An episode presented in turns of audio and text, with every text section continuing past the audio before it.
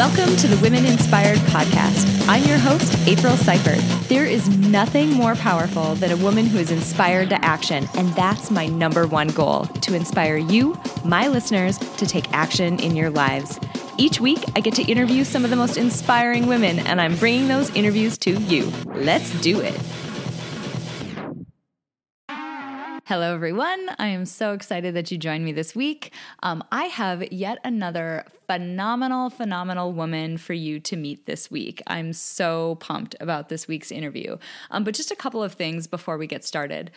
First of all, first and foremost, very important. Occasionally, I hit the explicit button when I release a podcast episode. And I did that this week again but I really meant it this week. So consider this week like sort of an explicit button with a little exclamation point at the end of it. Um, if you have little ones running around while you're listening to this episode, I'd maybe like throw some headphones in, you know, just to be safe. Uh, the content's amazing. Our interview's amazing. I like could stand up and cheer a hundred different times during this interview, but I just want to be mindful that there may be small ears in the room, and it's probably a time to use some headphones. Um, second thing before we get started, um, one of the things that uh, I am really passionate passionate about is um, wine. It sounds kind of weird, but uh, it's something that I really love and something that I um, I love exploring new types of wines. I love exploring wines from different parts of the world. Um, so occasionally. I may share a bottle of wine that I have tasted and really liked um, with you all. So, this week, I tried a 2012 vintage of a wine called the Eye of the Needle Merlot, and it is from Pacific Wine Enterprises in Columbia Valley, uh, Washington, not Wisconsin. No, Columbia Valley, Washington. Uh, Pacific Wine Enterprises is a tiny family owned winery located in Woodinville, Washington. And they really produce limited quantities of handcrafted wines from a lot of premier vineyards in Washington. Um, they hand bottle every single bottle, and they believe that this artisan approach allows them to preserve the delicate balance of aromas and unique characteristics of each wine. So, um, had to share this one with you because I really loved it. Um, it's a nice beefy Merlot if you like that type of thing. And truth be told, I got this bottle sent to me directly to my house and I got it for free. And you can too. So I've thrown a link in uh, the description of this episode. Click that link if you want more information about how can how you can get free artisan wine shipped directly to your home, um, so you can enjoy some of these wines from all over the world. All right, let's get on with this week's episode because there's an awesome woman that I have for you to meet. Hey, everybody. I'm so pumped that you took some time to be with us this week. We have an awesome woman on the podcast with us. And before I get ahead of myself, I will go ahead and introduce her. Her name is Jessie Scavone. Welcome, Jessie. Welcome. Thank you. I'm so excited for you to be here today. I know a little bit about your background, but not nearly enough. So let's just jump right in. Help us get to know you a little bit and tell us about yourself. I am um, currently a director of client success at OPower, um, and I've been working with pretty much pretty much for 10 years in large uh, technical project implementations in the utility and energy uh, space. So I think um, managing large teams, managing messy projects, uh, working in energy efficiency and kind of grid efficiency um, technologies uh, and prior to that, I was um, almost eight years active duty and four years at the Naval Academy, um, also working with kind of technical uh, aviation platforms and electronic attack um, and people management again. So I would say common themes over the last uh, couple decades are people management and technical projects and implementation. That's awesome. So it it seems like I mean, it's a it's an interesting path to go down. So you you know started your career out. It sounded like in the Naval Academy, and then um, yep. spent some time uh, active duty, and then went into this really interesting area. So how did you? How did that happen? How did you decide to to go into the Naval Academy initial academy initially, and yeah, as opposed to a as opposed to a more traditional university?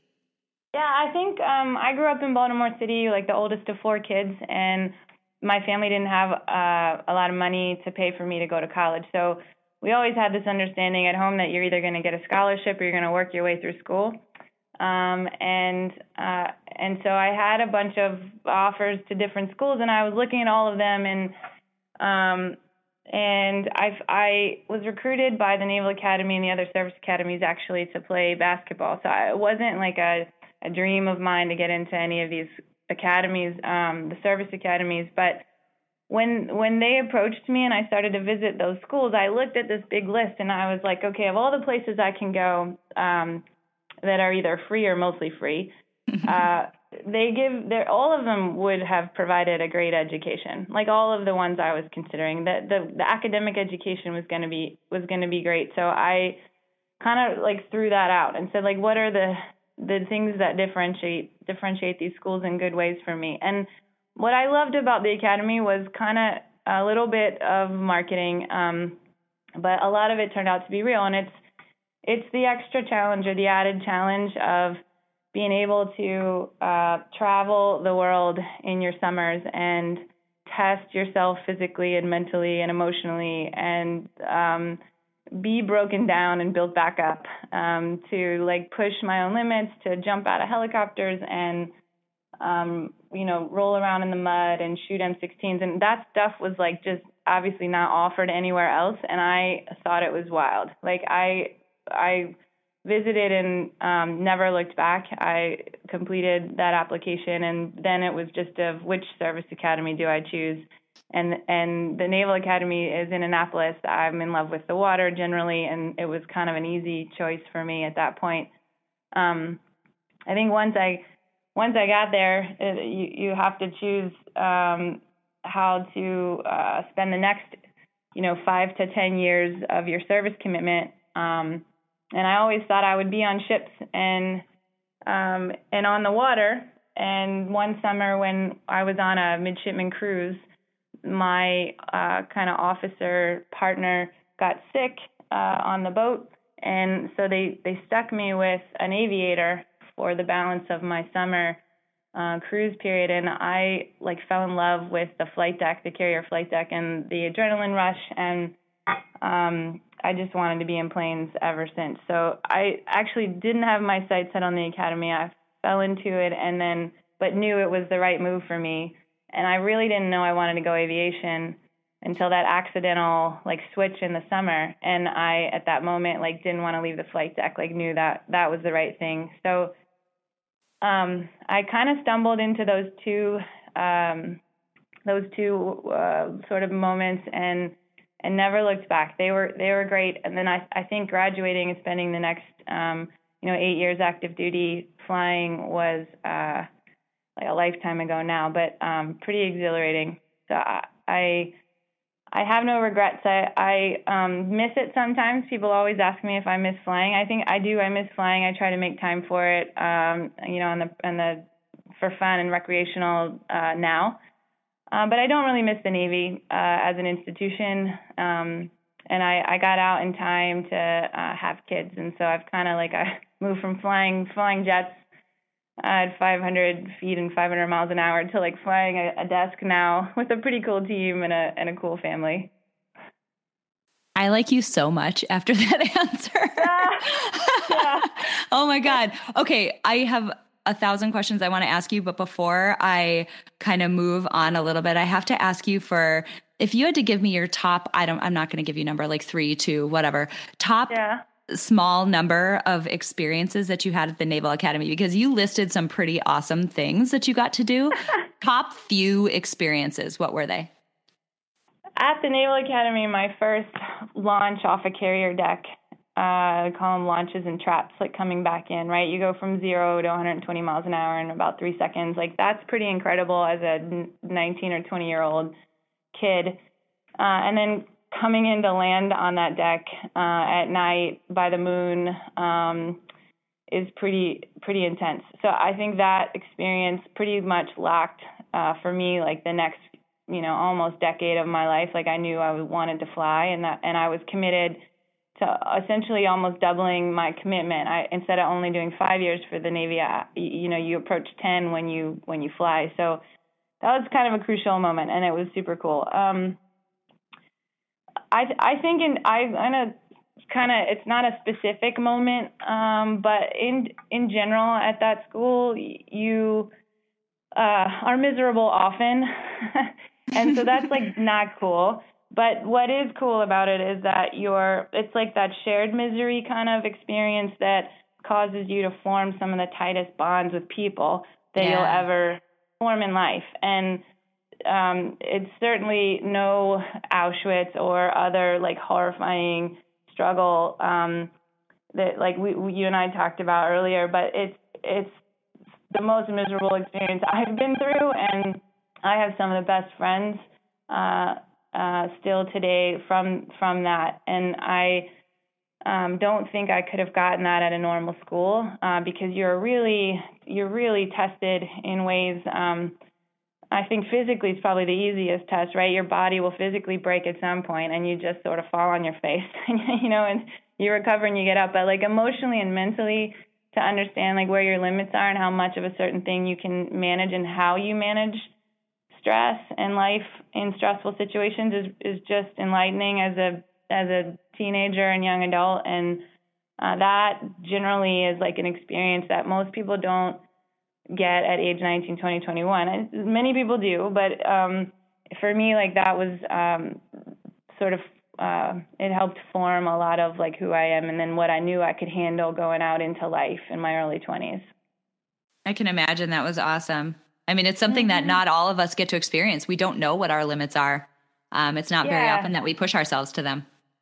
Right, and I, I, so that's like there are there are a number of those experiences that I am recalling like now that um, that put me in that situation, and it would put me and my you know my teammates, my friends, my classmates in the same position together, and so like the re- sort of repeating repeating of that over time, you're constantly testing your own limits at a pretty early age, and you're uh, it's empowering because certainly you fail, but you you you learn early how to deal with failure, and then you know you learn that like failure doesn't kill you, and you get back up and you keep going. Um, and you learn that that sort of perspective thing that we were also talking about, like that was really hard. And so this other thing over here that's kind of annoying is not so hard, and I shouldn't stress out about it because I I know I can handle ten times that, you know. And and so it, I think perspective, some perseverance, um, some self awareness at an early age, and then feeling empowered. Uh, I think building a sense of empowerment and confidence at an early age. Uh, I was able to get a lot of that out of my Naval Academy experience. So you were talking about pushing yourself to your limits. Some one thing that just occurred to me, if you put yourself back in your shoes before you had I guess that first experience where it, it was really difficult and where you really were outside of your comfort zone. Did you find that? I'm not quite sure how to word this. Did you find that your actual limit was further than what you would have thought it was? You know what I'm saying? Like, yeah. uh, I don't, I don't think I can handle that, but then you find out that you actually can, and you can go further than you thought you could. Yeah, I think that's exactly what happens over and over again. So, and that's what we we learn. We're like you accelerate the learning about yourself, like you know. So you, because it's repeated in such a short period of time in this four year period, you're like, geez, that was really hard. I uh, thought we would have only achieved you know X, but we achieved Y, and and that's pretty awesome. Um, so like cu- coupling that with like uh, re- repeated failures, I think a lot of kids coming into the academy or, or other competitive schools um, are overachievers. They're constant achievers. They rarely experience failure in life um, up to that point, right? And and so you can become afraid to fail. Uh, and this school certainly forces you into situations where you will fail over and over again, uh, and and it and get back up, uh, which is really important because I I think I was one of those kids in high school that just I we I didn't fail often. I I was um, very comfortable in um, situations where I knew I could succeed, and so um, since the academy, I think, and then since the Navy, I, I'm definitely uh, much more comfortable in roles at work and in life situations that are uh, not black and white, where I can fail, that are ambiguous or ill-defined Uh, and I, I attribute some of that comfort in that zone uh, to like early training at the academy where you're just kind of thrown into these crazy situations and forced to figure things out. You know, does that make sense? Oh, it makes total sense. That's a huge asset to have taken away from that time. Yeah, I think so. And I think most people that go through take that as well. I see in my peers, like in my friends today, just their comfort in ambiguity, their comfort in like messy situations. Um, you're you're more comfortable not knowing. And so I have some I have a lot of coworkers today, like we all do, who just who are not comfortable in those situations and they they um you know, I'm I'm grateful that uh I think life is just messy. so it's it's good preparation for life in general, but like also in the workplace. when I, I mean, when I think about a path like the Naval Academy, is what's the gender makeup of a school like that? I, it doesn't strike me that it's it's uh, super balanced, but maybe I don't know. Yeah, no, it's uh, so I graduated in '99. At that time, there were 12 percent uh, female, um, and so eh, you know, you're running around most of the time. Like I, that I have a company size um, of classmates that you live four years with, and there's about 120 people in that company, um, with 30 or so kids per class. So 30 freshmen in my company on my floor in my dorm room, and those are the people that you get to know most over the and best over the four year period. Uh, and there was of you know of those 30 people, there's one dorm room full of four girls, and the mm. rest of the the group of freshmen, for example, are are the the boys, and that like then persists through the four years um, as we stay together. I think since I was there, that's probably now closer to 20%. At least that was the target uh, when I was leaving, and the Navy was working toward kind of 20% um, female. Um, yeah. So I think once you and then once you get into aviation uh, and, and graduate, I in the in my squadron there were two females uh, for the third year, so aviators that we had, two or three. So it kind of hung around 10% um, for the first uh, those four years of school, and then the next eight or so in the Navy. Yeah. Did that make it harder for you, or maybe not, to come to terms with the idea of failing. I think it's something that we, you know, as women have a really hard time. I I'm in the same boat as you. I went through high school and felt like you know, I didn't fail very often. Even graduate school, I felt like I still was pretty high achieving and um it's hard. It's really hard yeah. to fall on your face. Was it harder or did that not play a role at all? Um, this might be I, I'm not. I'm, I'm going to think about that one because I like to think that I didn't f- focus so much on, and I never have into into my 30s, and I never focused on the gender gap there or the differences.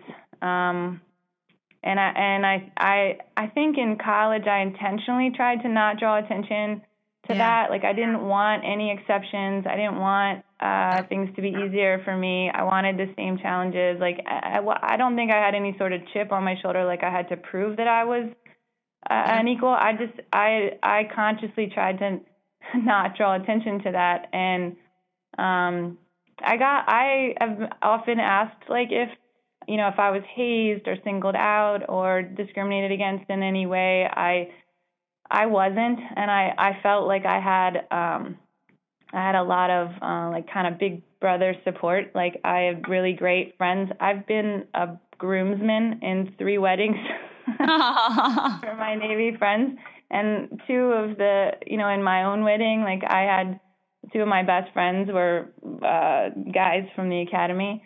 Um, so I I tend to not focus on those things, and I think that it's it served me well. Like um, because I I I guess that that then translates to the the guys that I'm with. They they don't focus on it either. If I'm not talking about it and they're not talking about it, and we're all doing the same work, then it in my mind it comes out to you know your your merit, your work ethic. Like, are you achieving what others are achieving? And um, I know that's not the case and wasn't the case for everyone. Um, yeah. So I, I can't really speak to. I in my personal experience, I didn't have any issues at all with being a minority at the school. Got it. So, flashing forward a little bit to your time in active duty, tell me a little bit about your role. What did you fly? What were you doing?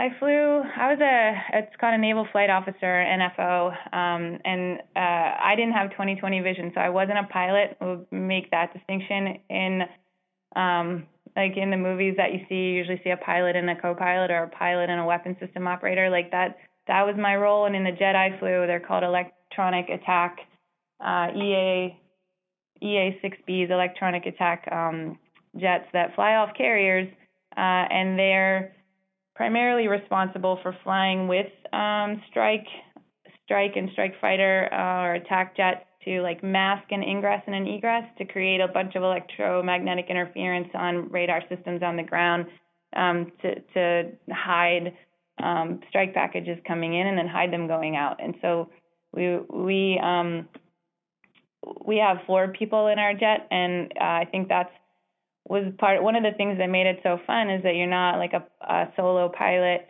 You have a team every time you go fly with specialization in roles and respect for each role. And uh, we had a pilot. I was a uh, eventually a mission commander. Would sit kind of side by side with the pilot with two in the back seat, creating um, jamming packages or missile packages.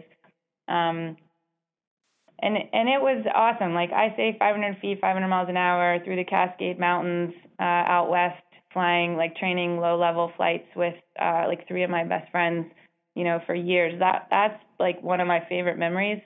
Um, I also deployed to um, in in support of Operation Northern Watch uh, and Iraqi Freedom, and we did three months or so in Turkey, uh, flying into the northern part of Iraq um, to uh, support no-fly zones there um, just before the war, and then uh, during the Operation Iraqi Freedom, I was there for the first 60 days or so of the, war. We flew in from Saudi Arabia um, over Baghdad uh, when we thought then that the war was only going to be a few months long, 100 days, maybe like the Gulf War. And we, we all kind of went in looking for weapons of mass destruction. If you can remember back uh, that far and during those conversations. Um, and then, you know, once there was no longer an air threat, they pulled most of the the air wings back to the states. Um, but as we know, that uh, kind of ground war continued for a decade. So um, I had some, uh, I guess, like real combat experience. I've um, flown a lot uh, overseas. I think I we flew uh, out of um, Japan um, for a few months too when North Korea was um, uh, posturing uh, with their nuclear weapons um, years ago. And then I had a, a, a ton of different sort of training um, uh, exercises in different states and countries um, preparing for, for the, those other deployments. So I spent um, probably five years, five or six years, five and a half years flying, um, based out of Whidbey Island, Washington, um, and deployed those uh, three main deployments, but a, a, bunch of other small ones throughout the years. Um, and then after that, the Navy kind of says, "Great, thanks for all your deployment work, your combat uh, effort, and you get what they call like shore duty or a good deal." And I, that's I went to um, to Boston, and I was a ROTC instructor at uh, in the it's the Boston Consortium of schools, which are Boston University, Boston College, uh, Northeastern, Tufts, MIT, and Harvard. And I uh, got my MBA uh, in the executive program there at night and, and taught um, uh, leadership management, weapons systems engineering, um, naval history, a few other courses with the Boston School of Management over a three year period. And really, I uh, shifted focus to advising freshmen now on kind of what they want to do as they launch, you know, their careers with the Navy. So that was summed up kind of my eight years. I would just I can't I probably sh- I can't help myself. There's like this this one experience that there's probably two times in my life I thought I was gonna die. oh. um, one it was in SERE school, the Survival Evasion Resistance Escape, uh, and that is like the Hollywood version is the GI Jane movie. Um, yeah. But I was um, there's a smaller percentage of people. So everyone that can be um, everyone that's in an avi- all aviators go through this school. Everyone that's on the ground in a combat zone goes through this school, uh, and it's um, you know about a week or so in a classroom, a week or so in the field, um, you know, with in small teams, and then two weeks of this sort of big uh, exercise where you are simulating you you know you have to survive. You've you've maybe you've ejected from your jet. You have to survive evade capture resist um, torture and then escape from the prison camp. And uh, I was I was waterboarded there.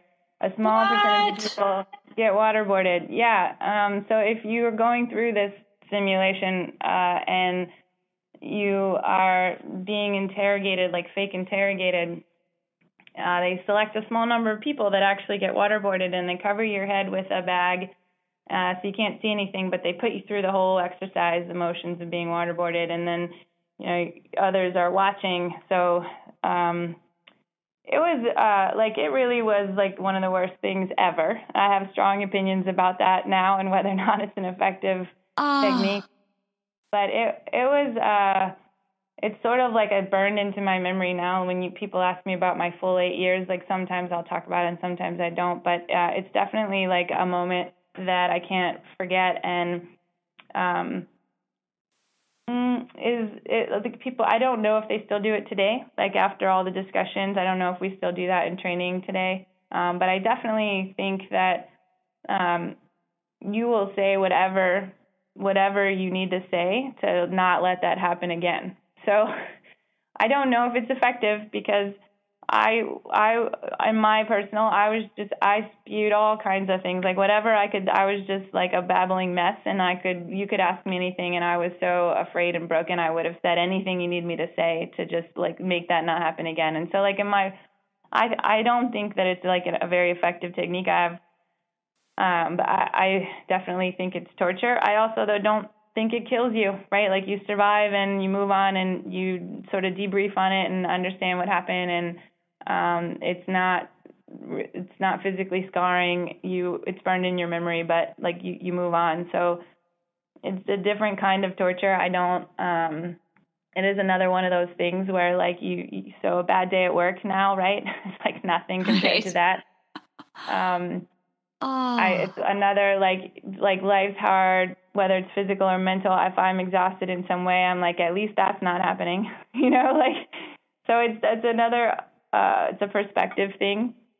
Um, I, I speaking of perspective, I would say my other good uh, or kind of another key takeaway from that time is um, the perspective of like what's hard and what's not hard in life and what's relevant and not relevant and what should I stress about and what really doesn't deserve that kind of energy uh, on a daily basis now.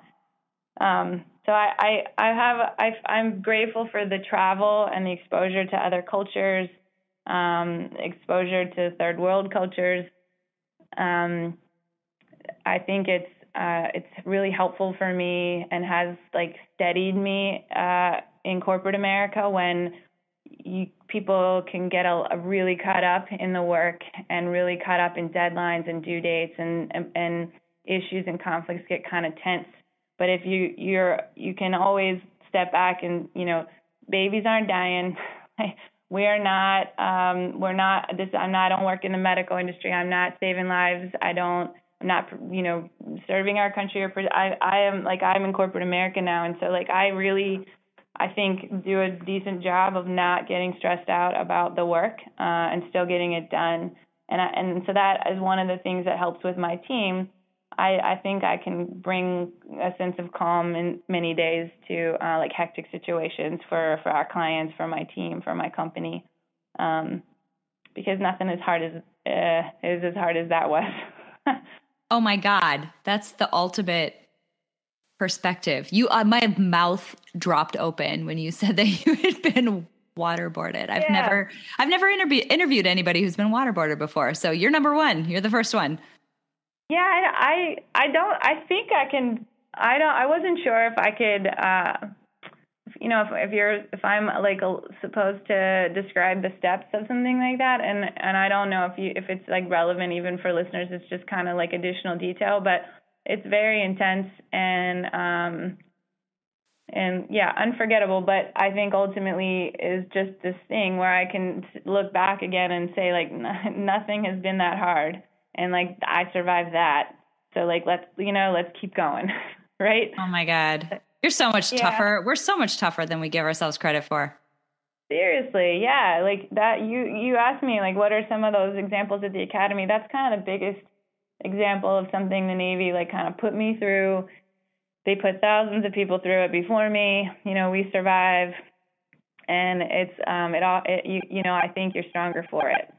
Hey guys, so I'm interrupting this podcast interview with just a little public service announcement. Now, the content that we get into in the last portion of this interview is so stinking amazing, and I really want you to stick around for it. But as you recall, in the beginning of this podcast, I encouraged you to put headphones on if you had little ones running around in the vicinity.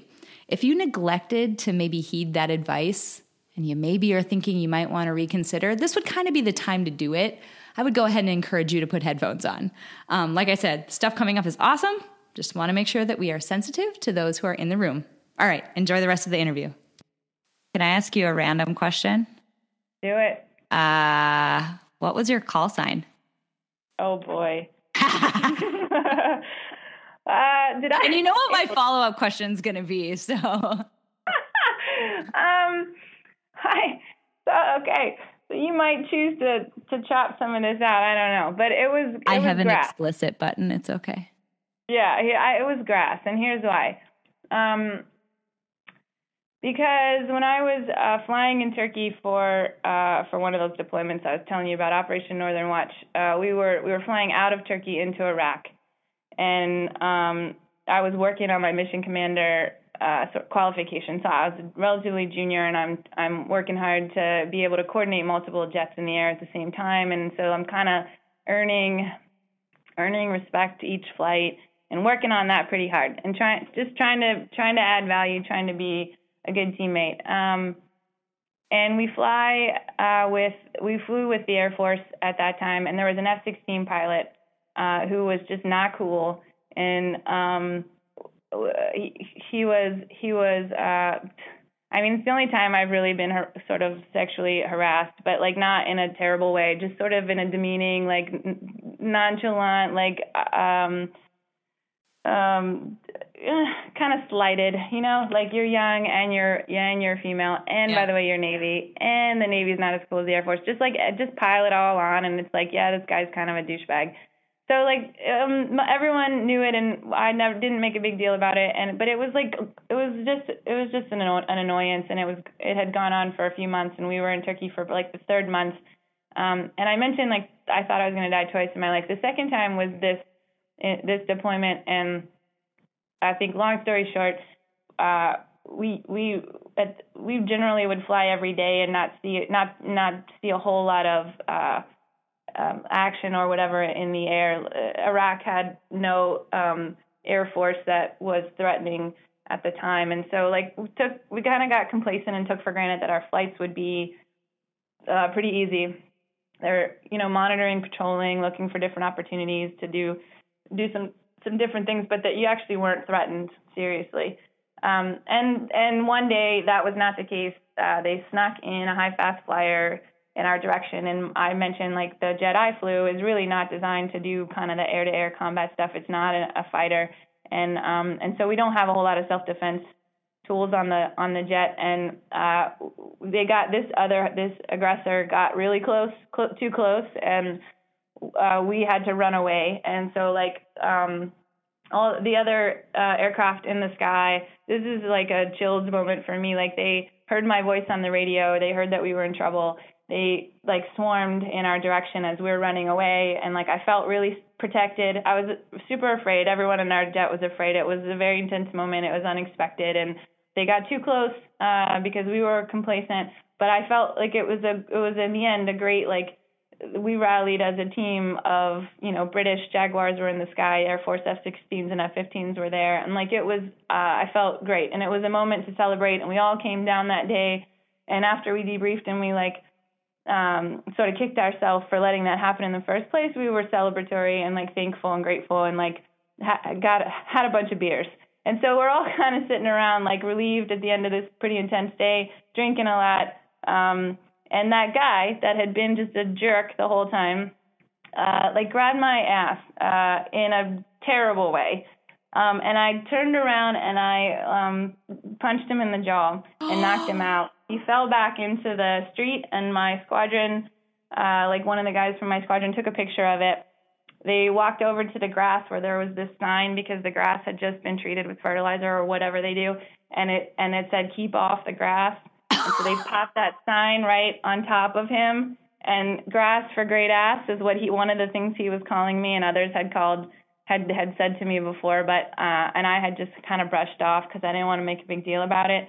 They took that sign and like popped it right next to him and took the picture. And then the next day at our in our bigger meeting and our everybody's sober and we're actually back to work, um, his boss showed that that picture to everyone in the room and he apologized. And we were great friends after that. so so grass stuck. It had started as a derogatory kind of like, yeah, great ass, you know, go somewhere else, and it became a call sign that stuck because I defended myself in a in kind of a cool way, and everyone respected it after that, even the guy that was a jerk, you know. So it worked itself out. Punched him in the face.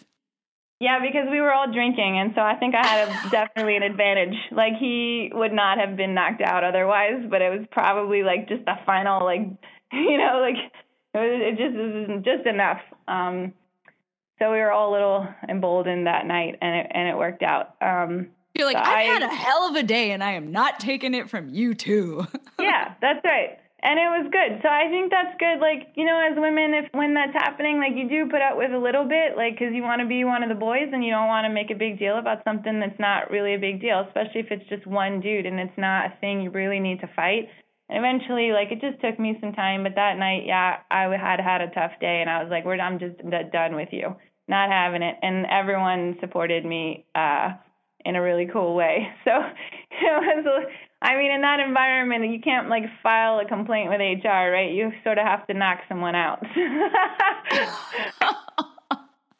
It was great, April. I I appreciate that story, but it's a tough one to tell sometimes. Um, I I appreciate you. So all of that has probably set you up to just have this amazing wealth of experience and you know i'm sure you've brought that into your career now and it sounds like you're doing some amazing work and um, I just want to know a little bit about, you know, you mentioned that you got out of the military and you and you had kids. So tell me yeah. a little bit about your life now. This it has to be a drastic change, right? You've just punched this guy in the face, and now um, you know you're in corporate America and you have you have yeah. a family. So tell me a little bit about your life now and how that's all going.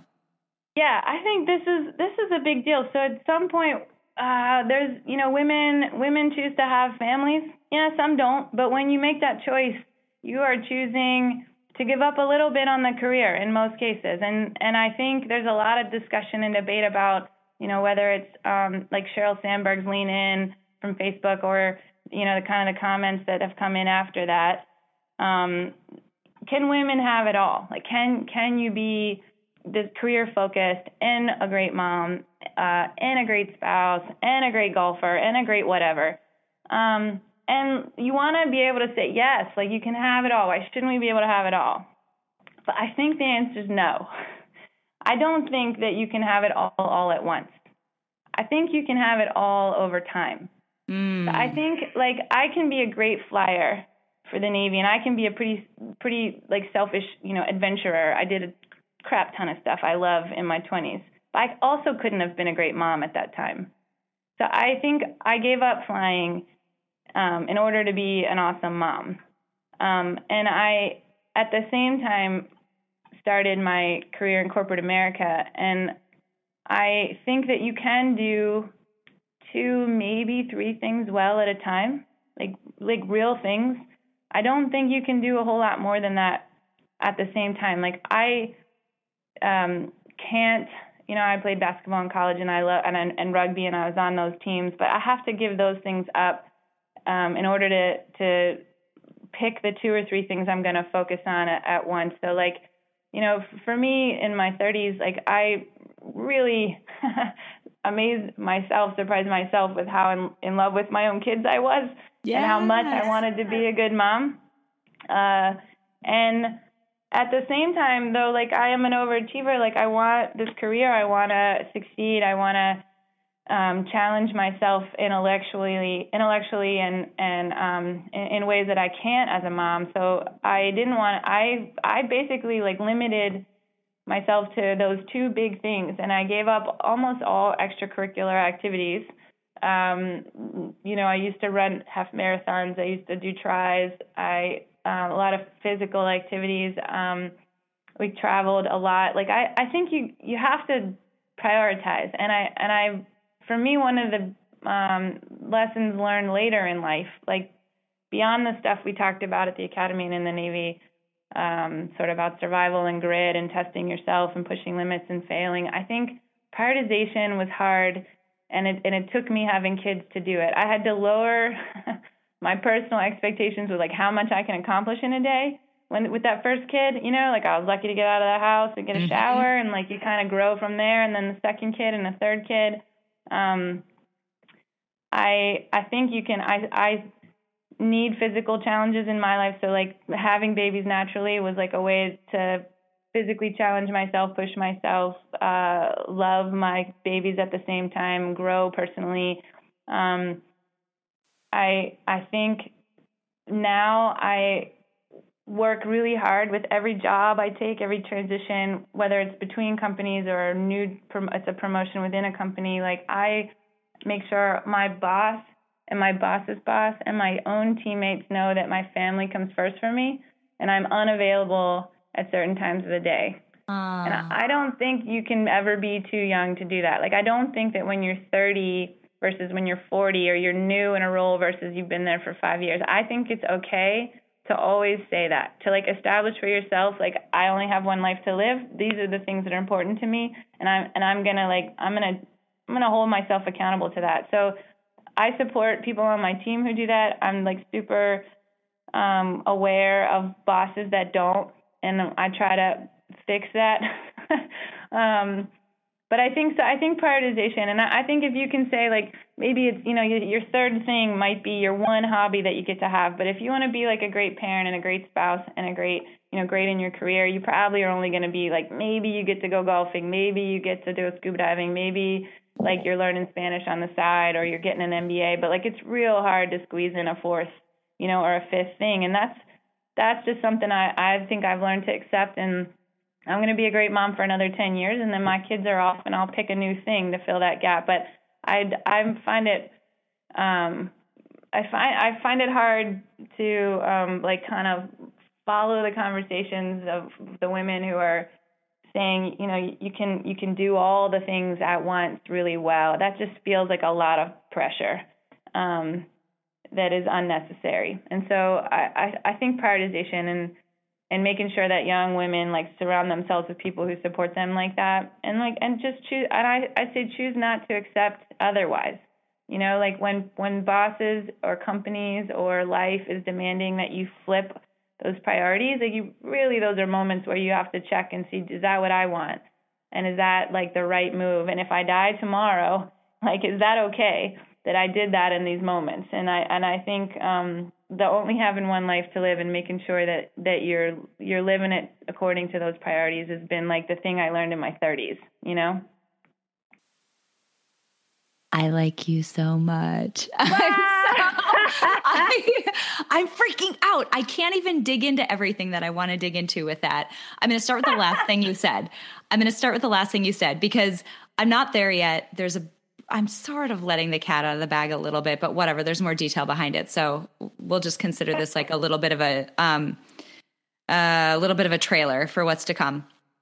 What you just said about us having one life and prioritizing and deciding what's important and sticking with it and crafting an experience that is one that we don't have regrets and we can be proud of that fits with who we are and what we want our days to look like That is exactly the direction that I want to take this broader website. I'm so excited yeah. about it. I'm literally writing content and writing seminars about that right now. So That's right. Um, That's what you're doing, right? Like I you, freaking love it. Yeah, you you are like a great example of that, right? Because this this podcast and and you it inspires you. It's helpful to the world. It's like a it's it's it's helpful to so many people. Like I think you you choose the things that you're passionate about, and like you have to make those a priority.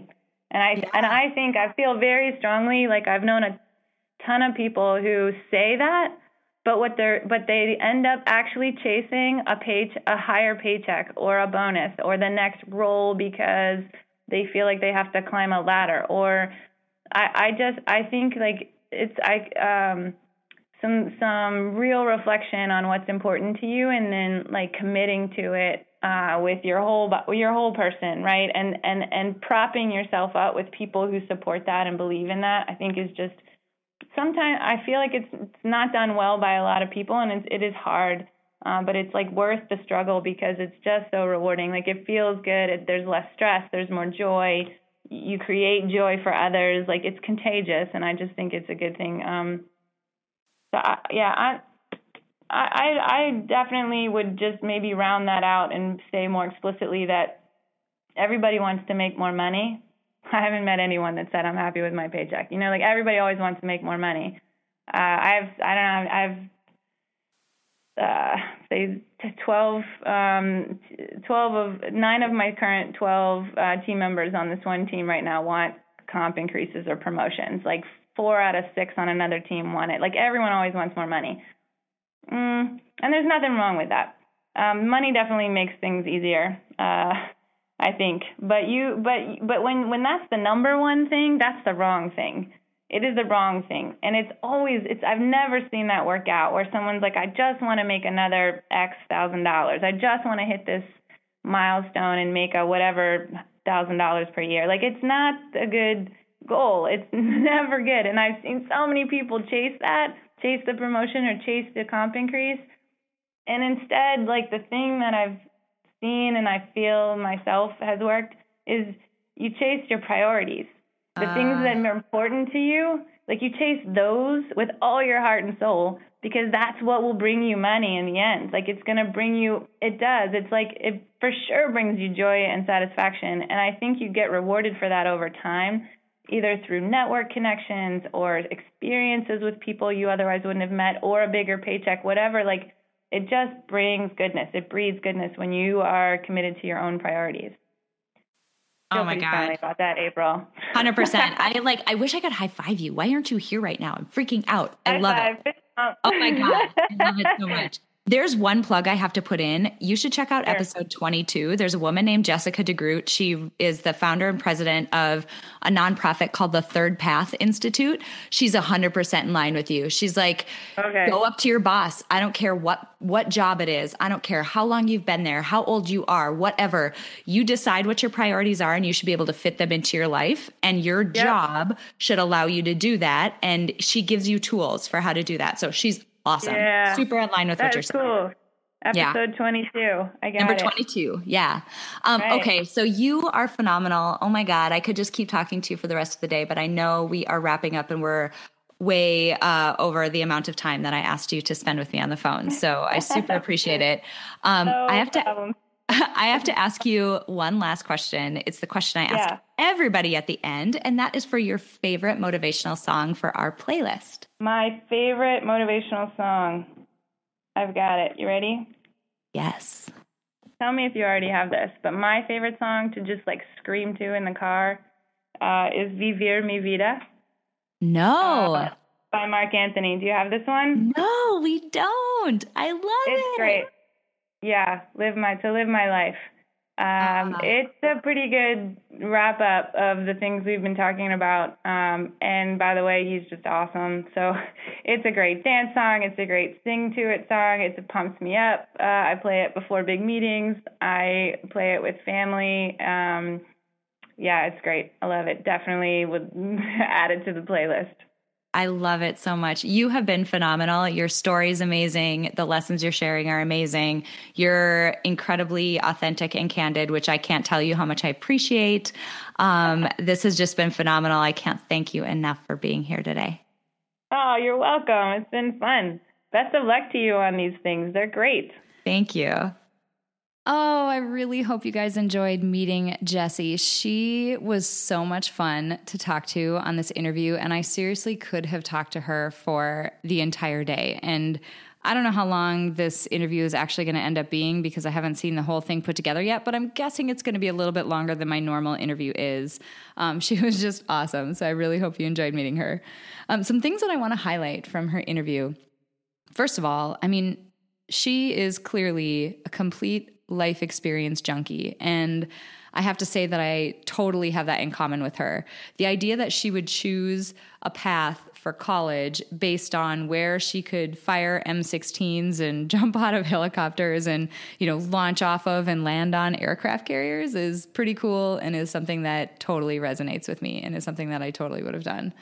Um, also, something that resonates with me and, and maybe resonates with a lot of you is, you know, she talked about being an overachiever and being a high achieving person. And um, what comes along with that is this notion of never really experiencing a true failure, like an actual failure where you just fall on your stinking face and it's just bad.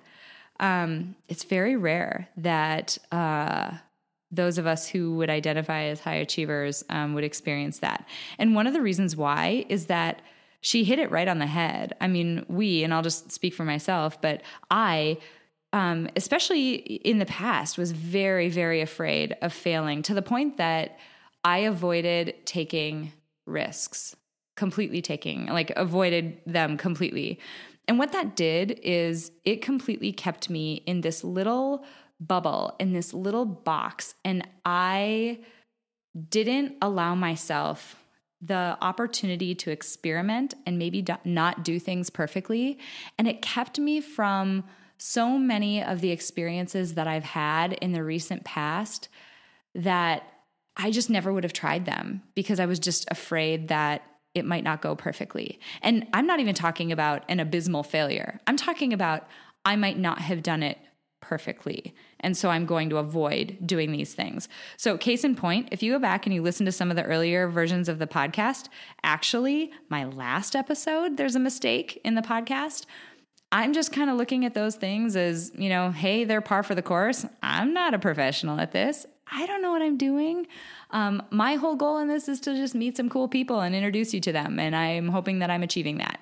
So if that means that I stumble a little bit along the way, if that means that I make a mistake here or there, so be it. Uh, but no longer am I willing to avoid taking risks and avoid experimenting and trying new things because this is leading me right into a giant old soapbox that you know Jesse got me onto. Her point about saying that you know we all only have one life to live. That is something that I'm not even kidding. I live every single day by that notion. My husband and I talk about it seriously every single day. We talk about the regrets that we would have if we died tomorrow. It sounds morbid, but if you actually accept and really focus on the fact that your life is finite, you don't have a ton of time here, you're only going to get to do it once, and every single day that you live, that timeline is getting shorter hope I'm not freaking anybody out here. Uh, but if you actually focus on that, it becomes one of the most freeing things I've ever experienced. That notion becomes your biggest ally because it goes back to some of the things that I talked about in a lot of podcasts, and I'm totally pontificating here. So hang hang with me. I hope you are. Um, you know, we've talked about the notion of, you know, if you have the right why behind what you're doing, if your reason why you're doing it is strong enough, the how or how you'll accomplish it becomes so much easier because you're willing to try, you know, and experiment on different things that you wouldn't have tried before. So the ultimate why for me is I'm only getting one shot. I mean, there's no way we're not we're not getting any more time back. And so there's no way that I'm going to sit here and waste it anymore. And so I love that she talked about, you know, in the context of having to decide what's important to her and deciding that her family was extremely important to her. She, you know, hit it right on the head. We only have a little bit of time here. And so her point about chasing your own priorities and making sure that you know what it is that's important to you um, gosh, that is just so, so powerful. Um, the last piece that I want to highlight um, my God, she's been waterboarded. that totally came out of left field. That completely surprised me when we talked about that. But what was cool about it is a perspective she took away from it. She talked about, okay, this horrible thing happened to me. This seriously awful thing happened to me. And she's definitely got some opinions about it as an interrogation technique after going through it. But it didn't kill her. And she's kind of used that experience as an anchor and as a comparison for difficult experiences that have happened after that. And I guarantee if you look back in your history, you have one of those times. Maybe you weren't waterboarded because, like, oh my God, that's crazy. But I guarantee all of us can look back and we can point at experiences that were unquestionably difficult, so, so difficult. And we live through them. And that means that the next really difficult thing that comes up, we're going to live through that too. So I just wanted to leave you with that little bit of wisdom from Jessie. It was just such a wonderful piece of her interview, and it was just so awesome to hear. The last piece that I uh, want to highlight before I close out today is something that I alluded to a little bit. So I uh, am working on. Sorry, my daughter is going crazy in the background. She just got out of the bath and she's really mad about it. So I'm just going to keep rolling with it because my husband's with her. So shh. Um, something that I am working on right now is um, right along the lines of of the discussion we had about you know only having one life to live. Um, I'm working on some in person workshops and seminars that are designed to help people really think about what those priorities are and get serious and wake up and start to live their life more intentionally. So, if you are in the Minneapolis St. Paul area and you would like a little bit of info about when these seminars are going to take place, they'll be at a local yoga studio um, in the fall. Uh, shoot me a message on my website, uh, aprilseifert.com. I'd be happy to send you some information. I'm freaking out. I might fall on my face. This is one of those times where I'm freaking out. Um, but we'll see. I, I feel like I have a good message to share and I have a lot of life experience to share. So um, I'm going with it anyway, and we'll see what happens. I'll keep you guys posted. Um, like I said, I really hope you enjoyed this week's episode. I'm getting super long winded here, so I'll stop talking. Um, if you enjoyed this episode and you're enjoying the podcast, please shoot over to iTunes and leave me a rating or a review. You have no idea how much it means to me to get those messages. And on that note, I want to send a huge shout out to Shannon, who reached out to me via the Facebook page and uh, let me know that she has been listening since episode one and has been really enjoying the episodes. So, thank you so much for reaching out. You have no idea how much it means. It was so awesome. I hope you all enjoyed meeting Jesse, and until next time, have an inspiring week.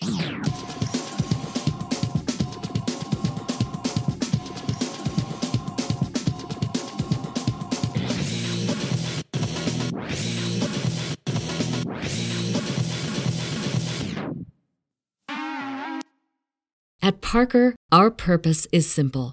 We want to make the world a better place by working more efficiently, by using more sustainable practices, by developing better technologies. We keep moving forward.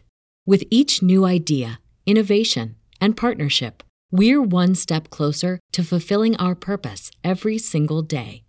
To find out more, visit parker.com/purpose. Parker, engineering your success.